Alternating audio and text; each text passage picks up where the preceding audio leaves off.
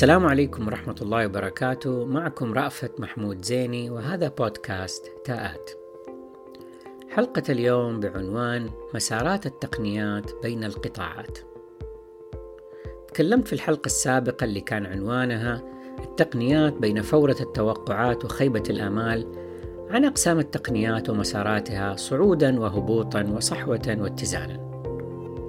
ولكن أين تولد التقنيات؟ وتنمو وتترعرع خلال رحلتها على تلك المسارات. تتوزع القطاعات اللي تعمل على تطوير التقنيات بين القطاع الحكومي والخاص وغير الربحي ويركز كل واحد منهم في الغالب على مرحلة من المراحل اللي تمر بها التقنية. فالقطاع الحكومي يقوم بالتطوير أو تمويل الأبحاث في الجامعات والمراكز اللي تتولد عنها التقنيات الناشئة واللي يقودها الفضول العلمي في الغالب لإثبات إمكانية تنفيذ فكرة معينة وإن طال الزمن لتحقيقها بينما يدخل القطاع الخاص في المرحلة التي تليها باستكشاف تطبيقات التقنية الجديدة ذات الجدوى الاقتصادية المحتملة اللي تمكنها من زعزعة التقنيات القائمة. فيعمل على تسريع عجلة التطوير وزيادة كفاءة التقنية وتخفيض تكلفتها وتسهيل وصولها كمنتجات تجارية جديدة للمستخدمين لتحقيق مكاسب تساعد القطاع على النمو والتطوير التدريجي للمنتجات وتوليد مزيد من الابتكارات العملية. بينما يعمل القطاع غير الربحي باستقلالية وبتمويل متنوع من عدة قطاعات بينها الحكومي والخاص لتخفيض نسب المخاطرة وتوازن المصالح مع الحفاظ على استمرارية تطوير تطبيقات يمكن أن يستفيد منها القطاع الحكومي والخاص في نفس الوقت. الموضوع حقيقة ليس بهذه البساطة أو الحدود الواضحة، اللي بينها في الغالب تداخل يصعب تفاديه. فقد يعمل القطاع الخاص في تطوير تقنيات بتمويل حكومي يقلل من مخاطره ويعظم الاستفادة من أساليب مرنة في تكوين الفرق والحرص على الكفاءة والسرعة للوصول إلى المستهدف مثل ما حصل مع سبيس إكس اللي غيرت قواعد لعبة النقل الفضائي بزيادة السرعة وتقليص التكلفة بتمويل حكومي.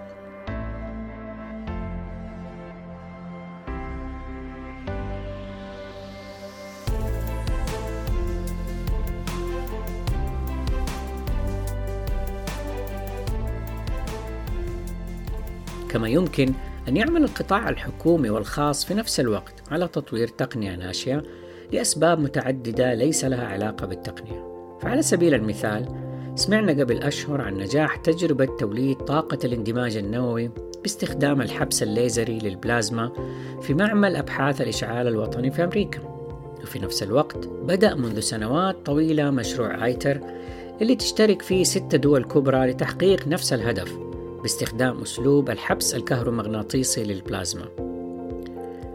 صحيح أن بعض من قضوا زهرة شبابهم في ذلك المشروع من أساتذة وطلبة جامعيين نفذ صبرهم في انتظار تقدمه وتحقيق الهدف ففضلوا اتخاذ طريق مغاير بالانسحاب من المشروع الدولي وتأسيس شركة سبارك الناشئة لتعمل تحت مظلة جامعة MIT لتوليد طاقة الاندماج النووي باستخدام المجال الكهرومغناطيسي أيضا ولكن بمقاس أصغر سعيا لتتجيرها وتوصيلها لشبكات توليد الكهرباء في العالم بأسرع وقت ممكن. أما في مجال الذكاء الاصطناعي وبعد أن كثر اللغط حوله والتخويف من آثاره إذا أطلق عنانه قبل عدد من السنوات أسس مجموعة من المستثمرين منظمة Open AI الغير ربحية لتطوير الذكاء الاصطناعي فاجتذبت أفضل المطورين إليها لاستقلاليتها رغم قلة المزايا التي توفرها Open AI بمقارنة بالشركات اللي كانوا يعملوا فيها. قامت Open AI بأنها تقدم للعامة عبر الأعوام الماضية نتائج ما توصلت إليه من منتجات تجريبية ثم أسست ذراع محدود الربحية لبيع تلك المنتجات ومنها نظام ChatGPT اللي ظهر الساحة في الآونة الأخيرة. وأتاحت للشركات الدفع أو ضخ الاستثمارات فيها والاستفادة من تلك المنتجات دون أن تكون حكر لقطاع دون غيره. وفي هذا تعقيد وتداخل غير مسبوق وما هي الآن إلا البداية. حقيقة التقنيات صعبة المراس. فقد تولد في رحم القطاع الحكومي السخية لتودعه ببساطة مرتمية بين ذراع القطاع الخاص الفتية ليفتح لها فرص غير عادية.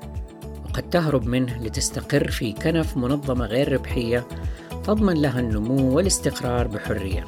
وهذه فقط إحدى مسارات رحلة التقنيات بين القطاعات. شاكر ومقدر حسن استماعكم وإلى اللقاء.